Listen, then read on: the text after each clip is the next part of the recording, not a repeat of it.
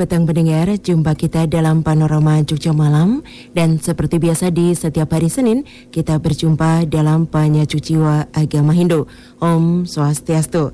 Ya semoga penuh kebahagiaan bersama Anda di kesempatan kali ini.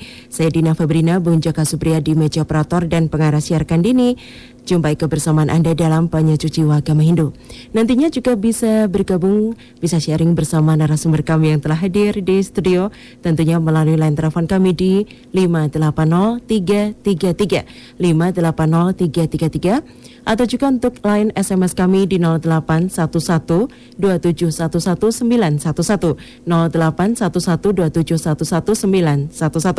atau Anda bisa mengakses siaran kami melalui RRI Play Klik di Pro 1 RRI Yogyakarta. Baik, saya perkenalkan untuk tiga narasumber luar biasa sekali yang telah hadir di studio di kesempatan kali ini. Om Swastiastu Bapak I Gede Swardana. Om Swastiastu. Pak Apa kabarnya Pak Gede? Luar biasa. Luar biasa sekali. Hari ini juga luar biasa ini. Iya, betul sekali. Bapak Iswara Madia, Om Swastiastu. Om Swastiastu. Iya, Pak Sehat, Iswara? Madia. Sehat juga nih Pak ya. Ceria semuanya begitu ya. Ya, terima kasih. Om Swastiastu Pak Wayan Ordiasa. Om Swastiastu. Senang sekali Pak untuk kebersamaannya hari ini begitu ya. Mudah-mudahan uh, berikutnya juga bisa bergabung bersama kita dalam penyecuci agama Hindu begitu, Pak Wayan Ordiasa. Ya. Tema kita seputar tentang peran generasi Hindu dalam memperkokoh jati diri bangsa. Namun uh, sebelum kita bahas lebih lanjut, seperti apa sih tema tersebut? Mungkin akan dibuka dengan doa terlebih dahulu. Silahkan Terima ke kasih. siapa nih, Pak Gede? Ya, Silahkan. Terima kasih. Terima kasih Bu Dina. Saudara pendengar di mana Teman-teman narasumber yang berbahagia.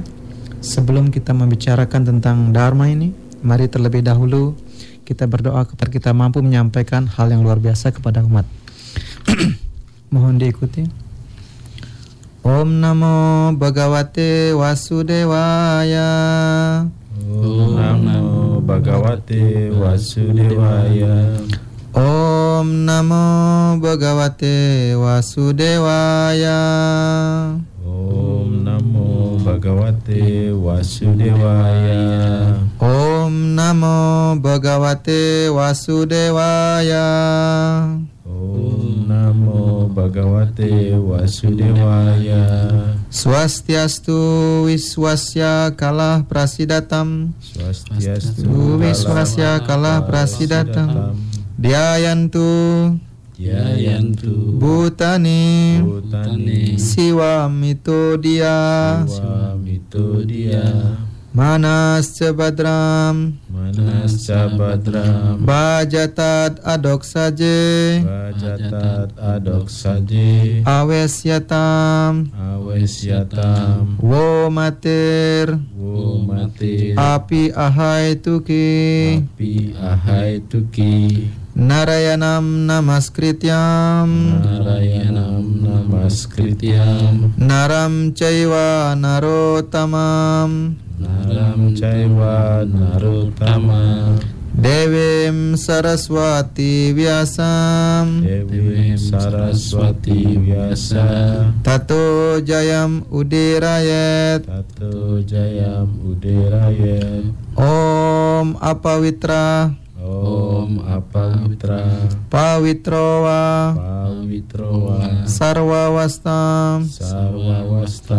Gatopiwa. Topiwa Yasmaret. Yasmare Pundarikaksam Dari Kaksa Sabahyam. Sabahya Abayantara. Abayantara. Sucihi. Suci Sri Vishnu. Sri Wisnu Sri Vishnu. Sri Wisnu Sri Vishnu Semoga ada segala keberuntungan yang baik Semoga ada segala keberuntungan yang baik di seluruh alam semesta dan semoga semua orang-orang yang iri dipuaskan.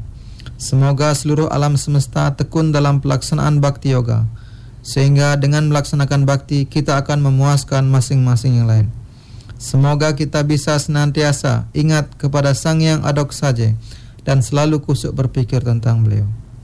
Oh Tuhan, pertama hamba bersujud kepada Narayana, kepribadian Tuhan yang Maha Esa, kepada Nara dan Narayana Resi, manusia yang paling utama, kepada Dewi Saraswati, Dewi ilmu pengetahuan, dan kepada Sri Lawyasa Dewa, penjelmaan Tuhan dalam wujud sastra, yang merupakan sarana-sarana kejayaan. Oh Tuhan, baik hamba dalam keadaan tidak suci maupun suci, semoga hamba disucikan dengan mengingat Anda. Hamba bersujud dengan segala penghormatan kepada Wasudewa. Om Santi, Santi, Santi Om. Terima kasih. Ya, baik, menarik sekali. Sudah dibuka dengan doa dan seputar tentang peran generasi Hindu dalam memperkokoh jati diri bangsa. Tentunya juga generasi muda yang saat ini berada dalam era globalisasi tentunya diharapkan juga unggul dalam hal kualitas. Namun berkait hal uh, peran generasi Hindu dalam memperkokoh jati diri bangsa ini seperti apa? Mungkin akan diawali dulu Pak Gede Ya, Pak Wayan. atau Pak Wayan dulu. Silakan Pak Wayan Ordiasa. Ya. Ya, baik. eh, Om Swastiastu. Om Swastiastu. Ya. Saya akan mulai sedikit tentang peran generasi muda dalam memperkokoh jati diri bangsa. Ya, kenapa tema ini eh, kami ambil? Karena sebentar lagi tanggal 28 Oktober kita akan merayakan Hari Sumpah, Sumpah Pemuda, Pemuda, ya, di mana eh, hari ini sangat bersejarah bagi bangsa kita, khususnya bangsa Indonesia. Ketika itu para founding father kita, ya para sesepuh bangsa ini menyatakan diri bahwa eh, ada tiga hal di situ ya, ada berbangsa satu, berbahasa satu, kemudian bertanah air satu, ya. Nah semangat itu hendaknya selalu kita jaga, ya, baik itu oleh eh, siapa saja, ya. Nah dalam hal ini adalah generasi muda ini sangat sangat memegang peranan penting untuk menjaga keutuhan daripada negara kita ya. Eh, kemudian eh, generasi muda ini adalah generasi yang akan eh, melanjutkan estafet kepemimpinan bangsa ini oleh karena itu sangat perlu sekali mendapat perhatian khususnya dalam pembinaan ya. Setiap tahun dalam eh, mendekati hari Sumpah Pemuda itu kita banyak sekali melaksanakan kegiatan-kegiatan yang terkait dengan memperingati makna-maknanya saja ya. Namun sebaiknya adalah di samping eh, memperingati maknanya lebih bagus lagi adalah implementasi bagaimana eh, kegiatan-kegiatan pemuda itu diarahkan ke hal-hal yang positif ya. Nah, dalam satu dokumen yang merupakan keputusan eh, Mahasabha Parisade Hindu Dharma Indonesia itu salah satunya adalah Grand Design eh, Hindu dari tahun 2011 sampai tahun 2061 ya. Salah satu itemnya di situ adalah tentang penekanan pembentukan eh, sumber daya manusia. Nah, ini yang menjadi sasaran yang utama adalah generasi muda karena generasi muda ini yang selalu harus diperhatikan eh, untuk membangun jati diri bangsa ini ke depan agar mampu bersaing di era yang global. Di ajaran-ajaran Hindu itu banyak sekali eh, hal-hal yang terkait dengan pembinaan generasi muda ini ya. Salah satunya itu adalah nanti akan disinggung lebih detail itu adalah masalah eh, catur asrama ya. Nanti di sa- sana salah satunya adalah pembagian eh, tahap-tahap kehidupan manusia. Tahap yang pertama itu adalah brahmacari, yaitu menuntut ilmu ya. Nanti di sana eh, merupakan penekanan yang sangat penting dalam membangun generasi muda ya bagaimana generasi itu kita eh, siapkan dengan baik eh, melalui ajaran-ajaran juga yang sudah ada di dalam agama Hindu ya mungkin itu dulu dari saya nanti bisa ditambahkan lagi ya. Iya. Eh, tadi Bapak sampaikan juga ada grand design begitu tampaknya Iya. yang eh, memang diharapkan agar generasi muda Hindu ke depan begitu mereka juga memiliki visi visi dan wawasan yang eh, benar-benar menjadi pemuda-pemudi Hindu yang berkualitas Iya. begitu ya Pak ya. Ya mungkin akan ditambahkan silakan Pak Gede atau Pak Iswara silahkan Pak Iswara. Ya, terima kasih. Selamat sore para pendengar semua. Iya. Eh, generasi muda ini menarik. Eh, suatu bangsa akan eh, sangat ditentukan oleh perkembangan rohani dari generasi mudanya.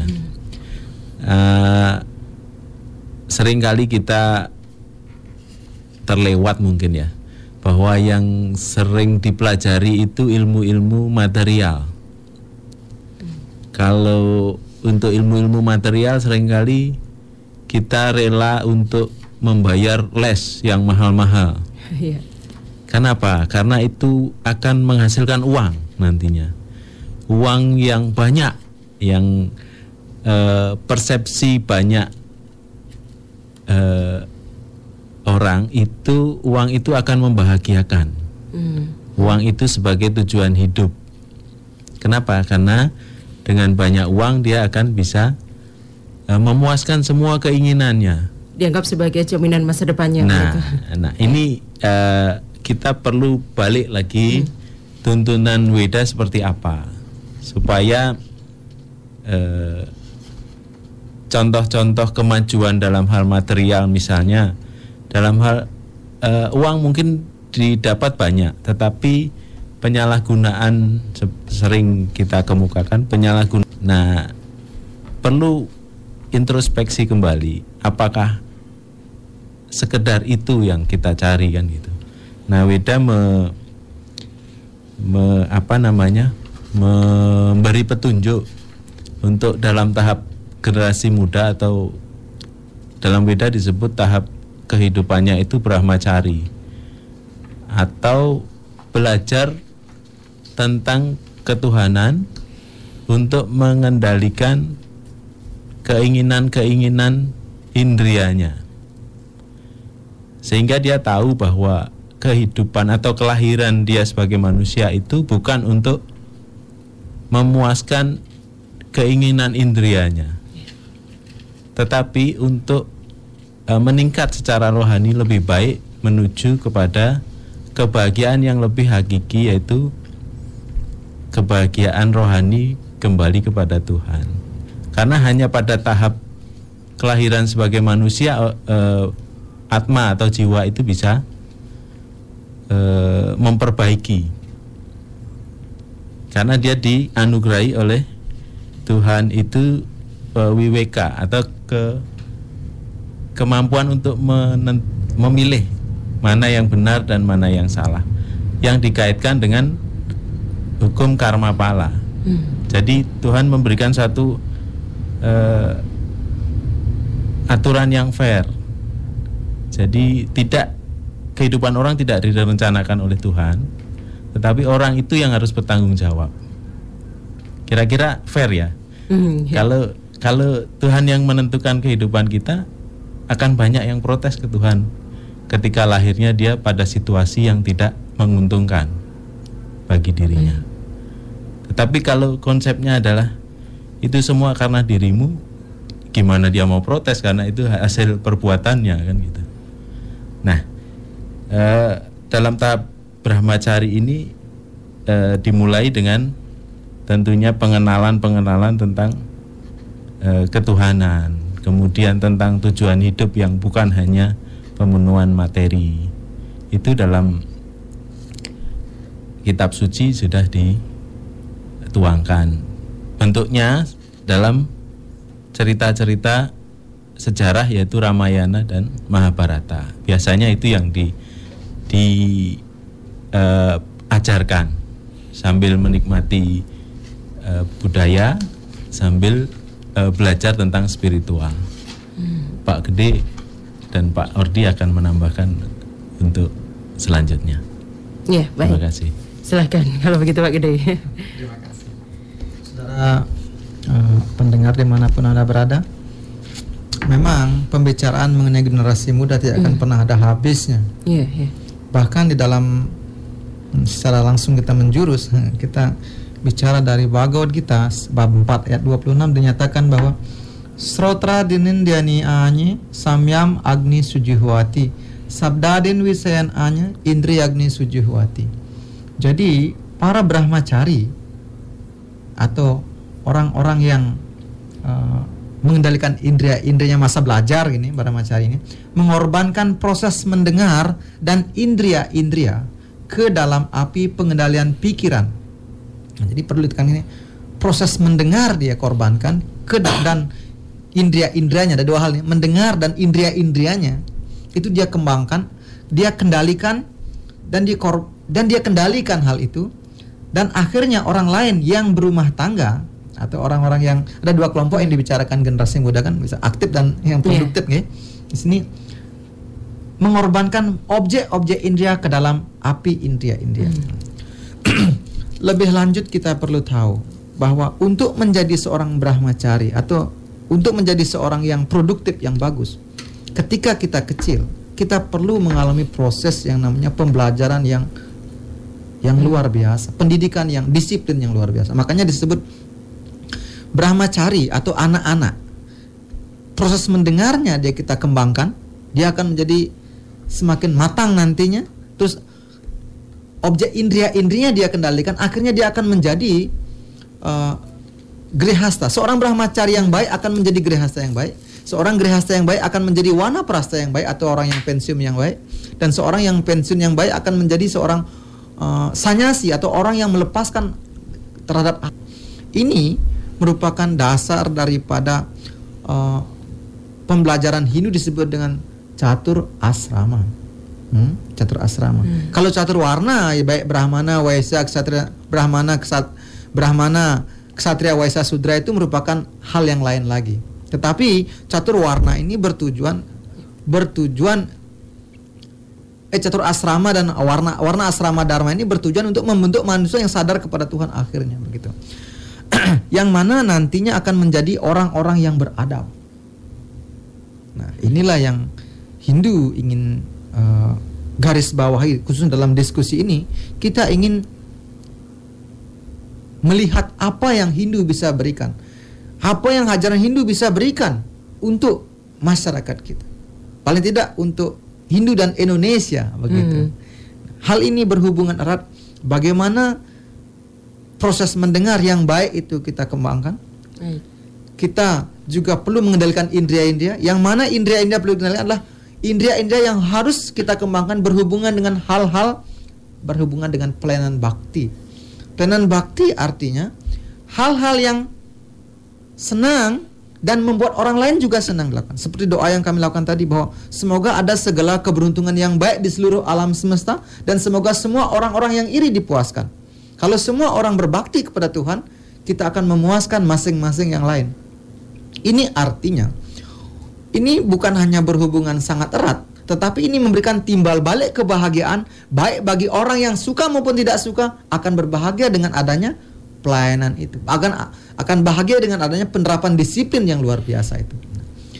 Tema ini kami ambil sebagai persembahan kami kepada Indonesia dalam hal menyambut Hari Sumpah Pemuda dan kita bisa saling mengingatkan satu sama lain apa yang mesti kita lakukan. Kita sambil saling introspeksi diri, kita sambil saling kita melihat apa yang sudah kita berikan untuk bangsa ini. Contoh yang bagus ketika di, diberikan dalam ajaran niti sastra sebuah sebuah bulan itu lebih berharga daripada ribuan bintang. Ya, ribuan bintang tidak akan pernah bisa memberikan cahaya yang besar kepada uh, tidak akan pernah kita membuat kita bisa melihat apa hal yang indah di di, di, di lingkungan kita. Tetapi begitu satu bulan menyala, sejuk rasanya. Hmm itu niti sastra Canakya Sri, Sri Canakya mengajarkan sebuah seorang acarya itu seorang brahmana penasihat raja pada waktu masa Indragupta dan ini uh, memberikan pandangan vision kepada kami bahwa kalau kita bersama-sama melihat kebaikan orang lain dan bersama-sama uh, membicarakan kebaikan itu vibrasi kebaikan akan memberikan pencahayaan kepada kita. Seperti halnya bulan memberikan sinarnya dan kita bisa melihat betapa indahnya alam. Memang kalau bulan, eh kalau bintang berada di angkasa, indah sekali. Kalau ada berbentuk cangkul, ada berbentuk apa-apa, kita bisa lihat cuma sebatas itu saja. Tetapi kalau bulan, begitu kita ada di ketinggian, lingkungan kita akan menjadi sangat luar biasa sekali indahnya. Okay. Itu yang bisa saya tambahkan dari pandangan sastra Weda. Iya baik, menarik sekali ini. Uh, saya mungkin ke Pak Wayan Ordiasa dulu Pak. Uh, sekaligus juga uh, apa yang tadi disampaikan narasumber yang lain begitu ya. Tadi Pak Gede juga menyampaikan bahwa pembelajaran Hindu memang pada saat muda. Tadi Bapak juga menyampaikan pada saat usia sedini mungkin begitu. Uh, begitu. Artinya dalam hal ini orang tua akan memberikan pembekalan yang sebaik mungkin begitu Pak. Tapi bagaimana uh, tanggapan Anda bahwa ternyata lingkungan juga berpengaruh cukup besar dalam hal ini Pak dan uh, lingkungan yang ada di sekitar kita ataupun segala sesuatu faktor ekstern yang akhirnya dialami oleh anak-anak tersebut hal ini sangat menarik perhatian mereka positif ataupun negatif begitu tanggapan anda bagaimana? Ya baik uh, terima kasih kalau dilihat dari pengaruh lingkungan memang akan sangat besar sekali uh, pengaruhnya terhadap perkembangan generasi muda kita ya uh, di samping juga era atau zaman itu sangat mempengaruhi ya. hmm. ya bagaimana ketika saya kecil dulu itu tidak akan membayangkan ya pegang gadget kemudian cari segala sesuatu itu tinggal di tangan itu tidak terbayangkan ketika saya zaman dulu. Tapi apa yang terjadi di generasi muda kita sekarang? Semua informasi itu terbuka tanpa sensor. Ya, sensornya ada di mana? Sensornya adalah e, secara teknologi memang bisa diatur tapi si anak muda atau anak-anak ini akan tetap bisa menjebolnya karena dia bisa pelajari mm-hmm. ya. Nah, sensor yang paling bagus itu adalah dari budi pekertinya, dari akhlaknya yang kita bina, kita kasih eh, apa namanya ajaran-ajaran dalam agama mana yang baik, mana yang tidak sehingga dia bisa memilah dan memilih ya. Mana hal-hal yang bisa diakses, mana yang tidak. Nah, mungkin salah satu tips juga di sini bagi para pendengar ya eh, Bapak Ibu terutama dalam eh, menangani anak-anak terkait dengan teknologi ini saran saya eh, jangan memberikan anak itu eh, komputer di kamarnya. Ya kalau ada komputer besar gitu atau gadget laptop itu taruh dari ruang tamu. Tujuannya apa? Kita bisa ikut mengawasi anak-anak kita mengakses apa. Ya di samping itu setelah diakses itu kan ada e, catatannya namanya log ya itu bisa kita lihat. Nah, dari situ bisa kita arahkan anak-anak kita supaya tidak mengakses hal-hal yang tidak sesuai dengan eh, apa namanya kepribadian atau hal-hal yang baik lah gitu ya. Harus kita arahkan, harus kita eh, bentengi budi pekerti mereka untuk mengakses hal-hal yang baik ya. Nah, oleh karena itu di sini memang lingkungan itu sangat nomor satu sehingga eh, lingkungan ini harus kita eh, apa ya eh, sikapi bukan dilawan ya karena hmm. kalau teknologi itu dilawan nggak bisa ya seperti sekarang kasusnya Gojek itu ya jangan dilawan dengan apa namanya uh, secara manual gitu ya tapi teknologi kita harus masuk ke dalamnya kita manfaatkan tetapi kita ambil nilai-nilai positifnya ya nah di uh, ajaran Hindu itu sudah banyak sekali ajaran-ajaran yang arahnya ke sana ya terutama untuk generasi muda itu ada e, namanya ajaran kepemimpinan atau leadership. Ya, di sini sangat terkenal sekali ada yang disebut dengan ajaran Astabrata. Hmm, ya. Astabrata. Nah, ya, ini adalah ajaran yang cukup terkenal. Ajaran ini muncul dalam kisah Ramayana. Ketika itu e, Sri Rama sedang akan dibuang ke hutan, ya. Kemudian e, adiknya si Barata ini tidak rela kakaknya e, dibuang, dia meminta kakaknya untuk kembali menjadi raja ke e, ke istana gitu. Namun Sri Rama tetap pada tekadnya. Nah, dia akhirnya memberi nasihat yang disebut dengan Astabrata, yaitu ada delapan e, sifat kepemimpinan. Ya, terutama ini untuk generasi muda yang sangat bagus ini untuk dipahami ya. Yang pertama adalah seorang pemimpin itu harus bisa memberi kesuburan dan kemakmuran bagi rakyatnya. Ya. Kemudian yang kedua Yama Brata, di sini maksudnya adalah seorang raja atau pemimpin itu harus bisa berperilaku adil. Kemudian yang ketiga, Surya Brata. Surya itu adalah matahari. Eh, seorang raja ini sangat berhati-hati dan tidak gegabah atau tergesa-gesa dalam mengambil keputusan. Ya. Kemudian yang keempat adalah Chandra Brata. Chandra itu adalah dewa apa bulan. Ya. Berarti seorang raja itu harus dapat memberi kesejukan, kelembutan dan simpatik kepada bawahannya atau e, rakyatnya. Ya. Kemudian yang kelima adalah Bayu Brata di sini adalah seorang raja hendaknya dapat mengetahui keinginan atau aspirasi rakyatnya. Ya bayu itu angin ya, dari mana arah angin ya dari rakyatnya itu harus bisa diterjemahkan. Ya. Kemudian yang keenam adalah Kuera Brata. Dewara Kuera di sini adalah eh, seorang raja itu hendaknya jangan rakus, jangan tamak, ya. Mengenyam kenikmatan harta benda untuk kepentingannya sendiri. Ya, itu sarannya. Kemudian eh, yang ketujuh, ajaran yang ketujuh adalah Baruna Brata. Ya, ini seorang raja harus dapat meneruskan eh, malapetaka dan bahaya yang akan terjadi misalnya ada e, peringatan gempa dan sebagainya itu rakyatnya harus segera diingatkan kemudian supaya menghindari korban yang lebih banyak ya. Kemudian yang terakhir adalah Agni Brata.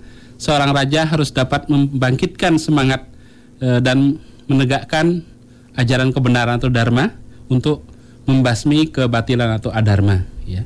Nah, itu ada e, delapan hal yang perlu ini dipelajari oleh generasi muda. Di samping itu pada zaman Majapahit ajaran ini dikembangkan lagi oleh Mahapati Gajah Mada yang disebut dengan Asta Dasa Pramiteng Prabu ya. Ini uh, juga diambil dari uh, Waracarita atau dari epos Mahabharata hmm. ya. Nah itu mungkin tambahan yang bisa saya sampaikan. Terima kasih. Iya baik menarik ya. Dan pendengar saatnya untuk anda yang akan bergabung di kesempatan kali ini kami buka untuk line telepon di 580333 seputar peran generasi Hindu dalam memperkokoh jati diri bangsa. Karena juga di bulan ini akan segera kita peringati Sumpah Pemuda ya. Tinggal dua hari lagi begitu. Ya silakan anda bisa bergabung silakan uh, berdiskusi bersama narasumber kami Bapak Ike Swardana, Bapak Iswara Madia dan Bapak Wayan Ordiasa di 580333 580333 atau juga untuk SMS Anda 0811 2711911 kami nantikan untuk kebersamaan Anda seputar peran generasi Hindu dalam memperkokoh jati diri bangsa. Bagaimana untuk tanggapan Anda? Di 580333. Baik, mari kita tunggu telepon yang bergabung. Um, saya ke Pak Iswara Madia mungkin ya. Pak, uh, bahwa generasi muda ini akhirnya yang akan menerima tongkat estafet kepemimpinan bangsa. Kalau begitu, apakah berarti sedari kecil uh, bahwa generasi muda calon calon generasi muda ini mereka sudah harus mengetahui dan belajar tentang kepemimpinan seperti itu. Ya, kepemimpinan tentunya uh, harus salah satu bagian dari pengetahuan yang atau keterampilan yang harus dipelajari supaya uh, ada nanti penerus-penerus pemimpin ini. Nah, salah satu cara tadi sudah di apa jabarkan oleh Pak Ordi. Nah, cara yang lain tentang melatih kedisiplinan dalam uh, Hindu uh, kedisiplinan adalah sumber dari kebaikan-kebaikan selanjutnya. Itu diajarkan dalam filosofi yoga. Yoga itu artinya adalah terhubung dengan Tuhan. Nah, dimulai dengan misalnya dia bangun pagi, kemudian eh, harus makan seperti apa, harus eh, apa namanya berpikiran seperti apa. Jadi ada ininya bukan hanya gerakan kalau yang dikenal masyarakat luas dan dunia adalah yang berkembang adalah gerakan-gerakan olahraga. Mm, yeah. Padahal itu suatu rangkaian filosofi untuk mencapai Tuhan juga, untuk menyiapkan generasi muda eh, sebagai penerus peradaban sebenarnya. Mm. Nah, gerakan-gerakan itu akan men, eh, di samping filosofinya itu eh, membuat misalnya dalam hal kesehatan di sana disebutkan bahwa 90% sehat itu ditentukan oleh kedisiplinan. Hmm, baik, baik. Yang 10% itu ditentukan hal lain salah satunya karma. Nah, eh, mulai dari bangun tidur yang tertib, kemudian makan yang tertib, tidak boleh makan yang ini terlalu banyak, yang itu terlalu hmm. eh, banyak itu sudah diajarkan. Nah, kemudian tentunya dalam hal perilaku kedisiplinan ini akan menentukan kualitas generasi muda kalau nantinya dia akan menjadi pemimpin. Kalaupun tidak menjadi pemimpin, dia tentunya punya kualifikasi yang eh, mendukung peradaban yang baik. Di sana karena salah satu ajarannya yang banyak dikenal adalah ahimsa Hmm, atau tidak melakukan kekerasan. Nah, tentunya seandainya itu dijiwai oleh se- hampir semua generasi muda, tentunya kekerasan-kekerasan yang tidak diperlukan itu akan sangat minimal. Ini eh, tuntunan beda seperti itu. Saya kira dari saya begitu, Mbak Dina. Iya, baik. Akan ditambahkan Pak Gede mungkin? Ya, baik terima kasih. Mengu- eh, menambahi dari penjelasan Bapak eh, penjelasan dan juga mengutip dari Bhagavad Gita mengenai kepemimpinan itu.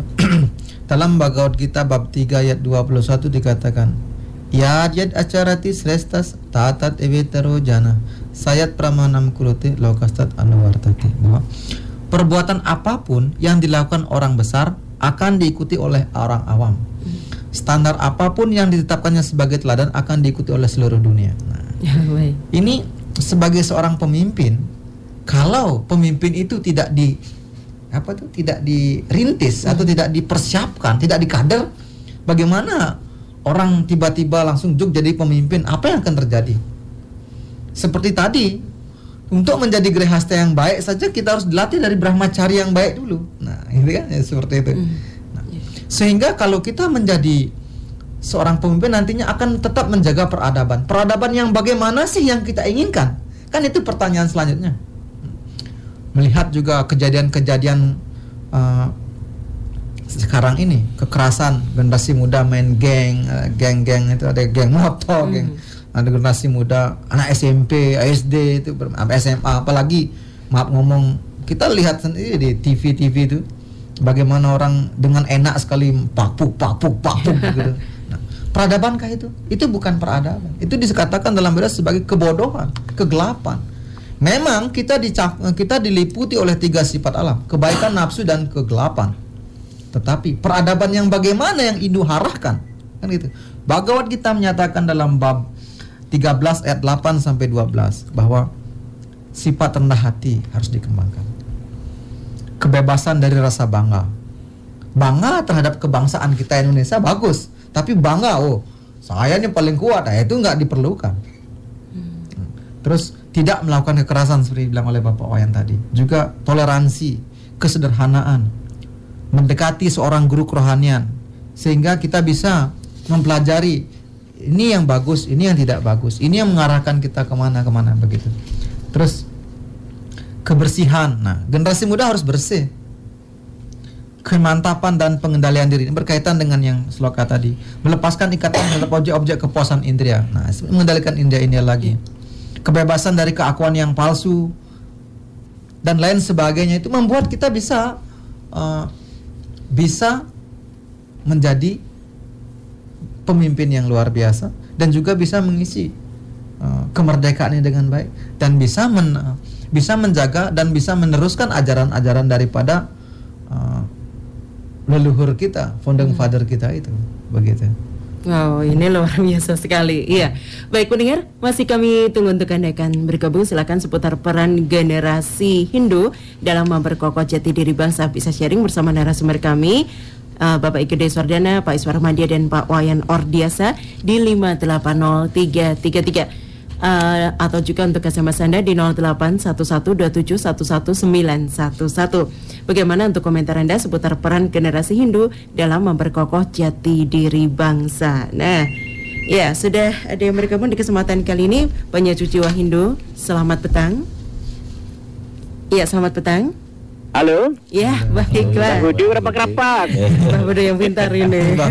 Ini begini, kalau Iya. tadi saya mendengar Astabrata ya, Mhm. itu kok rasanya wong sa Indonesia pemimpin kita ini dimasukkan dalam kontak kotak yang bernama Astabrata itu tidak ada yang bisa sempurna. Soalnya kan pemimpin kita ini biasanya tidak muncul sebagai pemimpin tetapi orang yang memunculkan diri. Hmm. Artinya menjadikan dirinya sebagai pemimpin pilihan aku gitu. Ini yang terjadi kan seperti itu. Jadi kalau kita masukkan dalam kriteria Astra Barata itu mungkin hampir-hampir nggak ada yang seperti itu. Itu itu bayangan saya. Nah, kejelasannya bagaimana panjenengan semua. Yang kedua, generasi muda di dalam Hindu ini untuk menyikapi sumpah pemuda. Ini kira-kira bagaimana? Karena kan di dalam dunia, di dalam Indonesia ini sering terjadi banyak antar warga pada berperang, antar agama pada bakar-bakaran masjid dan gereja. Kemudian antar apa, saling panah memanah dirian. Nah, kemudian apa namanya banyak kasus seperti yang di Aceh maupun yang di Tolikara dan segala macam.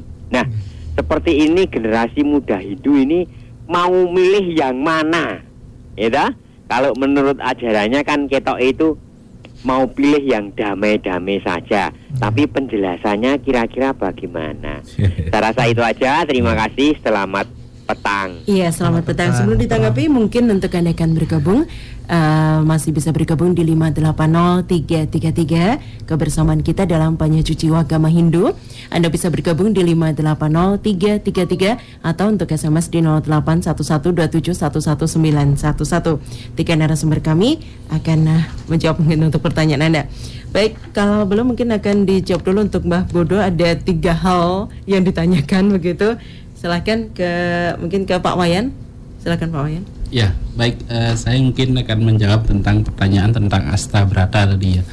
Jadi memang kalau dilihat pemimpin-pemimpin kita, ya kalau dicocokkan dengan syarat-syarat tadi, nampaknya memang uh, cukup berat, ya karena itu adalah syarat ideal tadi ya. Namun apakah tidak mungkin? Mungkin saja ya, karena seorang pemimpin itu kalau memang uh, dia dilahirkan untuk jadi pemimpin dan dia mau belajar uh, saya yakin akan bisa memenuhi uh, kriteria yang diajarkan oleh Sri Rama dalam Asta Brata itu. Ya memang cukup berat ya karena tadi disebutkan kebanyakan pemimpin yang sekarang itu kan uh, dia yang minta dirinya ingin jadi pemimpin gitu ya. Nah, ini kalau zaman dulu kan beda ya, memang pemimpin itu muncul dari dari rakyat yang sudah menilai bahwa dia cocok untuk jadi pemimpin gitu ya. Nah, oleh karena itu menurut saya eh, sekarang dibalik saja ya para pemimpin yang sudah jadi itu sebaiknya eh, apa namanya me, belajarlah belajar eh, untuk agar eh, perilaku kepemimpinannya sesuai apa yang dinasihatkan oleh Sri Rama itu. Ada delapan eh, hal tadi ya.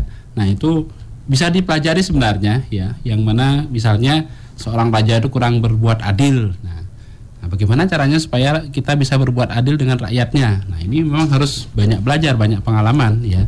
Nah, itu salah satunya, ya. Kemudian eh, yang pertanyaan kedua nanti yang lain mungkin dilengkapi oleh narasumber yang lain ya.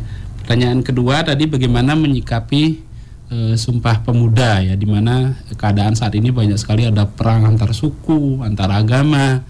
Kalau menurut saya ini terjadi karena eh, perbedaan eh, penafsiran ya. Padahal e, nenek moyang kita itu sudah sangat-sangat lama sekali menghargai apa itu perbedaan. Ya. Memang e, bangsa kita ini kan berbeda sehingga di kaki e, burung garuda yang merupakan simbol negara kita itu tertulis bineka tunggal ika.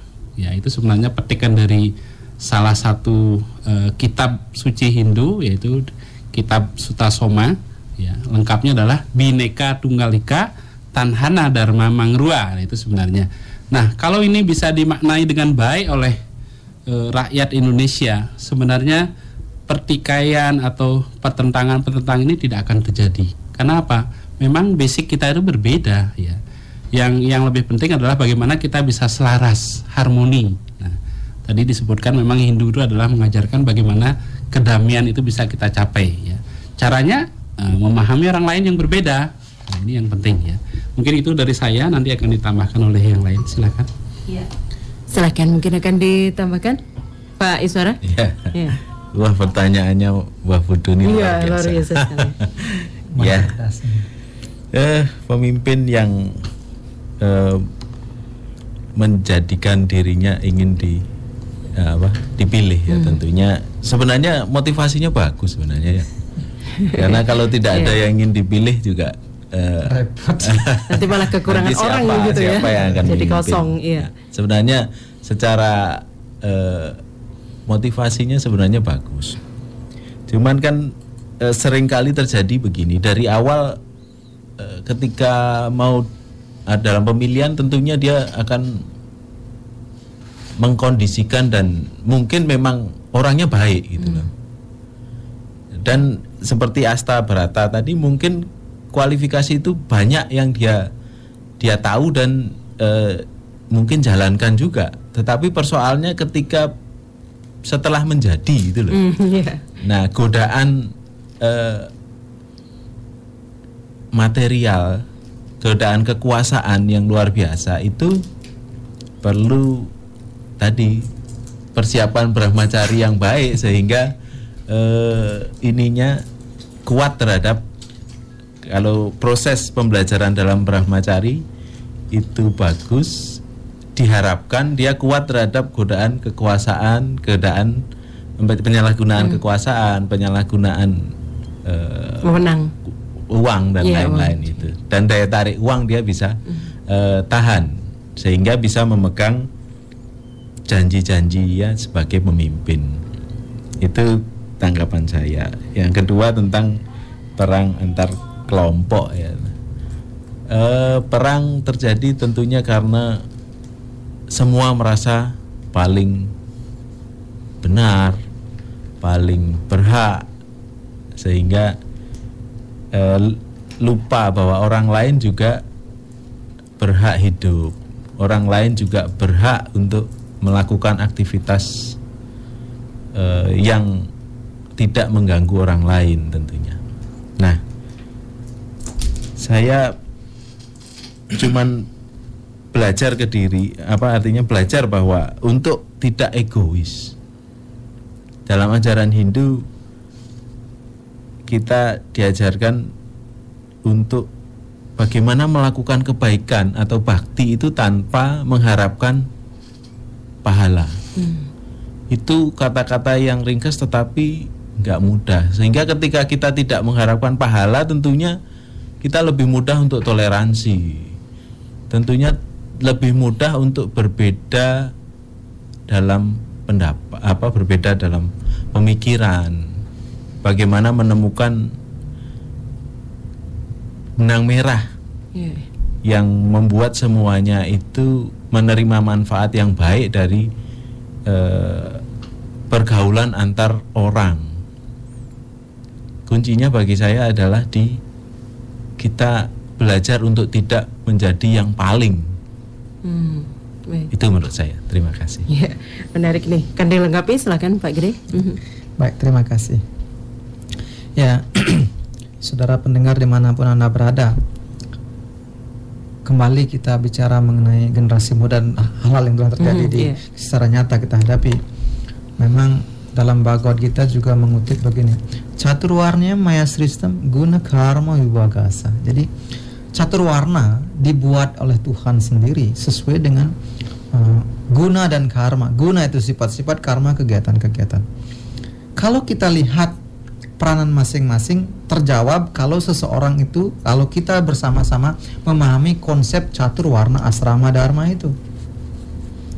Catur warna itu empat eh, susunan masyarakat warnanya itu.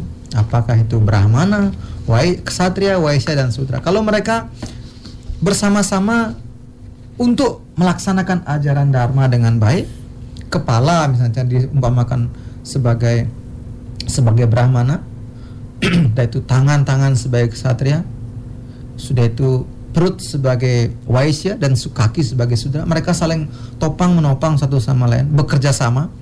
Kaki tidak bangga, tidak dia tidak sombong. Kalau tanpa aku nggak bisa berjalan ini. Akhirnya dia nggak mau berjalan ngambil makanan, tangan juga begitu ngambek dia tangan, nggak mau mengambil makanan masukkan ke mulut. Mulut juga begitu ngambek tidak mau mengunyah. Oh, kepala juga begitu. Bagaimana kita bisa hidup? Sehat kita.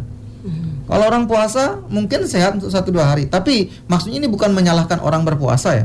Tapi maksudnya adalah bagaimana kita bersama-sama bekerja sama untuk mencapai pelayanan kepada Tuhan itu, melaksanakan tugas dan kewajiban kita masing-masing. Doa yang bagus dari uh, Purusa Sukta itu dibilang begini. Chandra Manaso Jana. Jadi kalau para Brahmana, ke, Brahmana adalah kepala, bagian daripada kepala, lengan adalah para ksatria, perut adalah uh, para waisya dan kaki adalah sudra. Di sana dinyatakan begitu. Ini mengindikasikan kalau kita sebagai uh, di dalam hidup ini bekerja sama satu sama lain, pemimpin tidak membohongi masyarakatnya, masyarakat juga begitu mengikuti program-program yang berhubungan dengan para brahmana sebagai penasihat raja, para ten- para tentara identik dengan kesatria itu menjaga keamanannya. Para waisya atau yang mem- yang berusaha pebisnis itu bekerja dan bayar pajak dengan baik. Sudra melaksanakan tugas-tugas pelayanan dengan baik.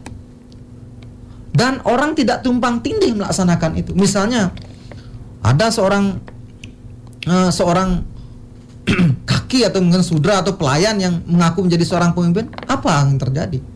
Malah raja atau mungkin eh, brahmana atau pemimpin agama itu melakukan hal yang, ber- yang bertentangan dengan dharma itu bu- di luar daripada konsep catur warna asrama dharma ini. Makanya perlu pendidikan brahmacari, grehasta, waisya dan eh, eh, wanaprasa dan sanyasi.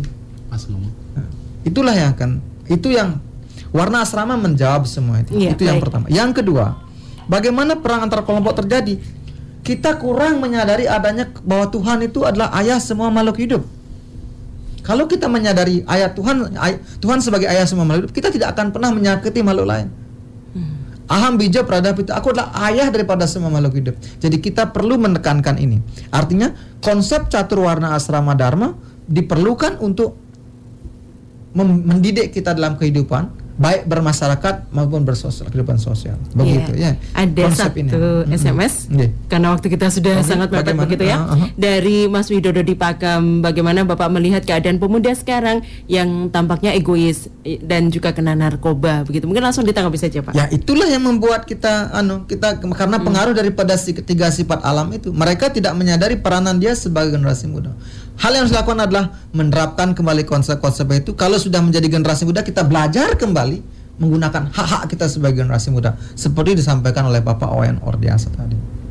Begitu. Nah, itu ya cara satu-satunya. Belajar bersama-sama sebagai orang Hindu belajar tentang kita sumber-sumber dasar Hindu, sebagai orang Islam kita belajar kitab-kitab suci dengan baik dan terapkan dalam kehidupan sehari-hari, bukan mengklaim, bukan memecah belah itu. Begitu. Jadi kita terapkan untuk kebahagiaan kita masing-masing. Baik. Untuk kemajuan bersama-sama pada akhirnya. Kalau orang lain bahagia, kita akan bahagia. Jangan sedang senang-senang melihat orang lain sedih atau sedih melihat orang lain senang.